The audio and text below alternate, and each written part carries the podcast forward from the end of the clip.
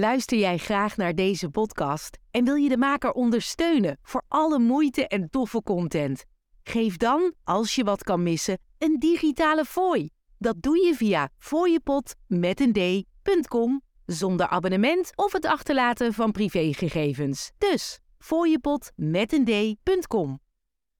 Deze Brusselse theatermaker wil af van het beeld van Molenbeek als broeinest van terreur. Othello hoeft niet te doden. Othello heeft een keuze. Hij is aan relatietherapie begonnen samen met zijn geliefde Desdemona om zijn jaloezie onder controle te krijgen.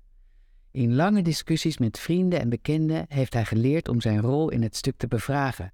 Is hij als zwarte man in een witte samenleving voorbestemd om te doden? Hij kan nu zelfs van gender wisselen. En zo houdt hij Desdemona aan het einde weliswaar bevend van jaloezie en haat met beide handen bij haar keel vast. Het lukt hem op het laatste moment toch om haar los te laten. Applaus, bravo's, algemene ontroering in de theaterzaal. Ben Hamidou staat applaudiserend naast het podium, terzijde en toch in het middelpunt. Hij straalt. Ben Hamidou is 56 jaar, film- en tv-acteur, comediant, theatermaker, opgegroeid in Molenbeek. Hij heeft het stuk ingestudeerd met een stuk of twaalf jonge vrouwen en mannen uit de wijk. Het heet À peu près Othello, d'à peu près Shakespeare. Ongeveer Othello van ongeveer Shakespeare. En is vooral gericht tegen racisme en femicide. Hamidou's hele artistieke carrière is geworteld in Molenbeek. Elk jaar ontwikkelt hij daar met amateurs een nieuw theaterproject.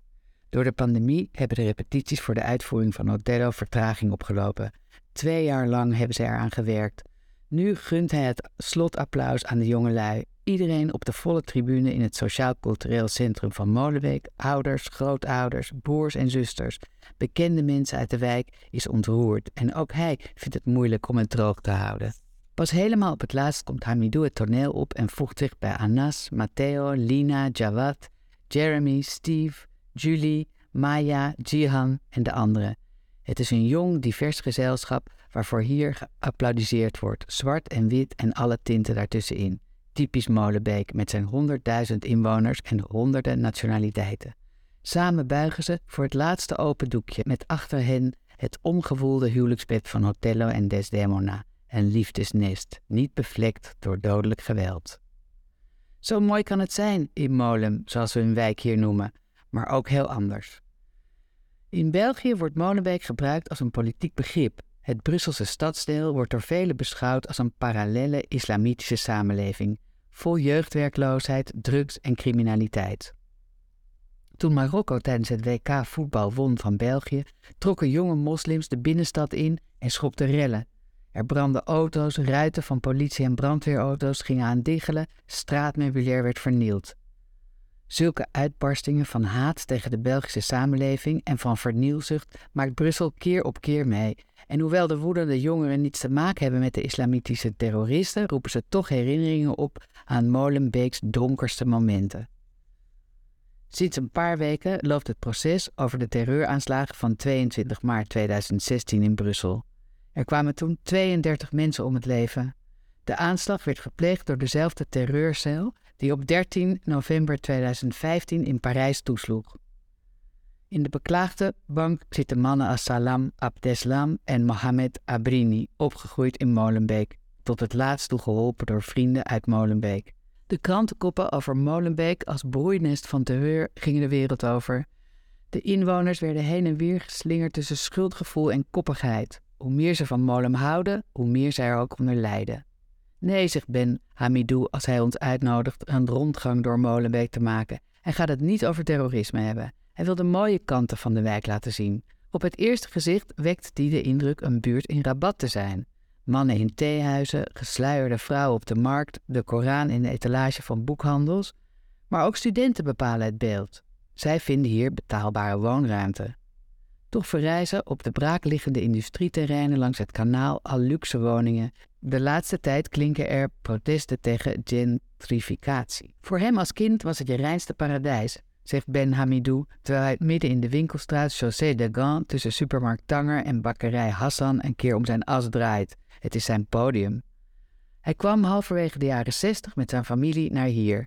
België wierf arbeidskrachten in Noord-Afrika. Zijn ouders zijn van Marokkaanse origine, maar woonden in Algerije. Ze, spraken vloeiend Frans. Zulke mensen wilden ze graag hebben, vooral in Molenbeek, dat in tijd het centrum was van de industriële bloei in België. De wijk ligt langs het kanaal van Brussel. Vanuit het zuiden, uit Wallonië, werden via het kanaal kolen aangevoerd. Richting Noordzee vonden de waren hun weg naar de wereld. Ben Hamidou loopt nu La Fonderie binnen. Deze voormalige gieterij is het symbool van Molenbeeks bloeitijd en is inmiddels omgetoverd tot een industriemuseum. Hier vind je Sultan de Leeuw, gietmodel voor de vervaardiging van, van een bronzen beeld, mogelijk het beroemdste exportproduct uit Molenbeek.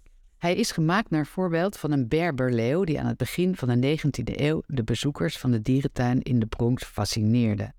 Daar siert het bronzen beeld tot op heden de toegangspoort, samen met twintig andere dierenbeelden die in Molenbeek werden gegoten. Ook de jonge Lincoln begon als bronzen beeld in Molenbeek zijn reis naar de VS. Zelfs de Belgische koning Leopold II ligt als model nog ergens in het bakstenen gebouw.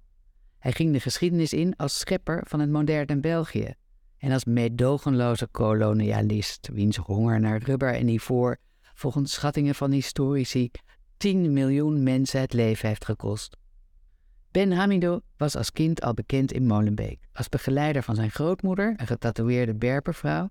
Ze werd Geronimo genoemd omdat ze eruit zag als een Apache-krijger. Stel je voor, zegt Amadou, je bent tien jaar oud en loopt met Geronimo over het schoolplein. Wat kon hij anders worden dan een podiumbeest? Hamidou heeft een moment voor zijn grootmoeder opgericht in de vorm van het soloprogramma Saint Fatima van Molim, dat hij voor het eerst opvoerde in 2010 in Molenbeek. Daarin schetst hij het beeld van een immigrantengemeenschap die met grote nieuwsgierigheid en de beste bedoelingen toenadering zoekt tot de Belgische samenleving. Hamidou werd ervoor geprezen in Molenbeek. In 2016, een paar maanden na de aanslag in Parijs en Brussel, werd Hamidou in Molenbeek ineens geboycott. Met een collega bracht hij Les Enfants de Don Juan, de kinderen van Don Juan, op de planken. Hamidou, de voorbeeldige Belgische moslim, maakt zich vertrouwd met de ongelovige losbol Don Juan. Het is een kleine liefdesgeschiedenis, een voorzichtige provocatie voor de moslimgemeente en hun waarden. Maar in Molenbeek werden affiches verscheurd en uitvoeringen afgelast wegens gebrek aan belangstelling. Na de aanslagen betreurde Hamidou het communitarisme in Molenbeek, de terugtrekking van de moslimgemeenschap in zichzelf en in haar religie. Molenbeek zou een ghetto zijn geworden. Hij noemde de situatie een catastrofe. Nee, zegt Ben Hamidou, dus nog eens geen woord over terrorisme. Wat zou, wat hij ook moeten zeggen, behalve dat een paar jonge mannen met hun krankzinnige daden een hele wijk een slechte naam hebben bezorgd? De gemeenschap is nog steeds getraumatiseerd door de storm in de media, die toen op iedere straathoek een jihadist vermoedde. Nog steeds wordt iedereen die op straat een camera tevoorschijn haalt om een foto te maken van trouwig bekeken. Hamidou wil in geen geval als kroongetuige tegen zijn wijk optreden. Hij wil zijn kunst laten spreken. Ooit, zegt hij, heeft hij getrouwde moslimvrouwen samen laten optreden in een stuk dat was een heel bijzonder avontuur geweest, vooral voor hun echtgenoten. Maar natuurlijk is het onmogelijk om bij een rondgang door Molenbeek niet te praten over terrorisme. Op het Place Communal, het plein voor het gemeentehuis, sta je midden in het horrorverhaal. Daar, wijst Ben Hamidou, is Salah Abdeslam opgegroeid. Salah's broer, Brahim, blies zich op 13 november 2015 namens de Islamitische Staat op bij de aanslagen in Parijs. Salah besloot op het laatste moment anders. Hij vluchtte terug naar Brussel in de Vierwindenstraat, slechts een paar honderd meter van zijn ouderlijk huis, werd hij op 18 maart 2016 door de politie opgepakt in een kelder waar hij zich verstopte. Ben Hamidou herinnert zich die middag nog goed. Hij voerde in de buurt een stuk op met een theatergroep. Ze schrokken allemaal toen er schoten vielen. Vier dagen later stierven er in Brussel 32 mensen bij zelfmoordaanslagen in het metrostation Maalbeek en op de luchthaven Zaventem. Salah Abdeslam had meegewerkt aan de voorbereiding daarvan. Daarom zit hij terug in Parijs, waar hij al tot levenslang werd veroordeeld, nu in Brussel in de beklaagde bank. Naast hem zit zijn schoolvriend Mohamed Abrini, die opgroeide in de Graaf van Vlaanderenstraat hier om de hoek. Hij zou zich op de luchthaven opblazen, maar maakte rechtsomkeerd. Veel van hun strijdmakkers uit Molenbeek zitten in de gevangenis. Velen zijn omgekomen, bijvoorbeeld Abdelhamid Abaoud, die als IS-strijder in Syrië gedode vijanden met een jeep door de woestijn sleepte. Op 13 november 2015 ging hij in Parijs met een Kalashnikov op mensenjacht en blies zich enkele dagen later op na een vuurgevecht met de politie. Zijn ouderlijk huis staat op vijf minuten lopen van het gemeenteplein in de Darimonstraat. Het waren maar een paar mannen. Het is meer dan zes jaar geleden en velen vragen zich hier af: wat heeft dat nog met ons te maken? Natuurlijk willen veel mensen de gebeurtenissen verdringen en vergeten. Maar het trauma zal niet zo snel verdwijnen uit Molenbeek. Trauma's moeten benoemd worden. Een van de 32 slachtoffers van 22 maart 2016 in Brussel heette Lubna Lavkiri. Zij was 34 jaar oud en woonde in Molenbeek. Haar echtgenoot Mohamed El Bachiri groeide op in Molenbeek en woont hier nog steeds. Als hem naar zijn identiteit gevraagd wordt, zegt hij: Ik ben een product van Molenbeek. El Bachiri, 42 jaar, heeft als ontmoetingsplek een café voorgesteld aan het kanaal dat het toeristische centrum van Brussel van Molenbeek scheidt. Hij komt een half uur te laat. Een kaal voorhoofd, zorgvuldig getrimde baard, witte kooltrui. Een uiterst vriendelijke man. Hij verontschuldigt zich. Hij moest nog met een lerares spreken. Zijn middelste zoon zorgt voor problemen op school. Hij heeft drie zonen, van 16, 14 en 8 jaar oud. Sinds 22 maart 2016 voedt hij ze alleen op. El Bachiri werkte toen als metrobestuurder. Die dag had hij vrij en hij was thuis. Zijn echtgenote Lupna Lavkiri, een gymlerares, was met de metro onderweg naar haar werk. Ze stond vlak naast de zelfmoordterrorist. Duizenden mensen kwamen naar de rouwplechtigheid. Lubna Lavkiri was bekend als een moderne moslima en pedagoge die jonge vrouwen wilde helpen een zelfstandig leven te leiden. Mohammed El Bachiri heeft een boek geschreven over de tragedie van zijn leven, Jihad van Liefde. Er werden ruim 100.000 exemplaren van verkocht en het werd in 2019 onderscheiden met de Constanzer Consielsprijs. Het heeft zijn woede in liefde veranderd, zegt hij, en er is veel wat hij de verdachte uit het boek zou kunnen voorlezen. Vooral dat haat niet thuis hoort in de religie. Hij zou als civiele partij als getuige kunnen optreden, maar dat durft hij niet. Wat er tot dusver in het proces is gebeurd, ervaart hij als theater.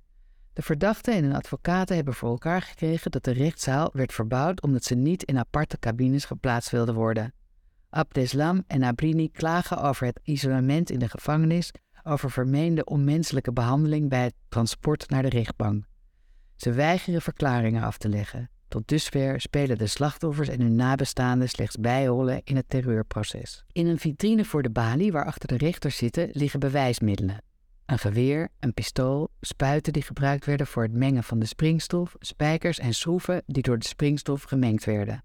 De afgerukte handgreep van een bagagekar, het gedeukte blik van een metrostel. Lang merkte men weinig van de verschrikking van de misdaden in deze rechtszaal, die eruit ziet als een grote kantoorruimte. Dat veranderde pas toen de officieren van justitie de aanklachten voorlazen en de 32 overleden slachtoffers bij name noemden.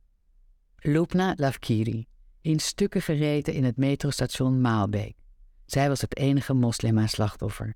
Haar moeder zat in de rechtszaal toen haar naam werd genoemd. Daarna heeft ze vier dagen lang gehuild, zegt Mohammed El Bachiri, haar schoonzoon. Dat wil hij zichzelf niet aandoen. Hij heeft zijn energie nodig voor zijn kinderen en zijn werk, dat vooral met Molenbeek te maken heeft. Hij houdt voordrachten op scholen en in kerken om te strijden tegen de haat die mensenlevens verwoest.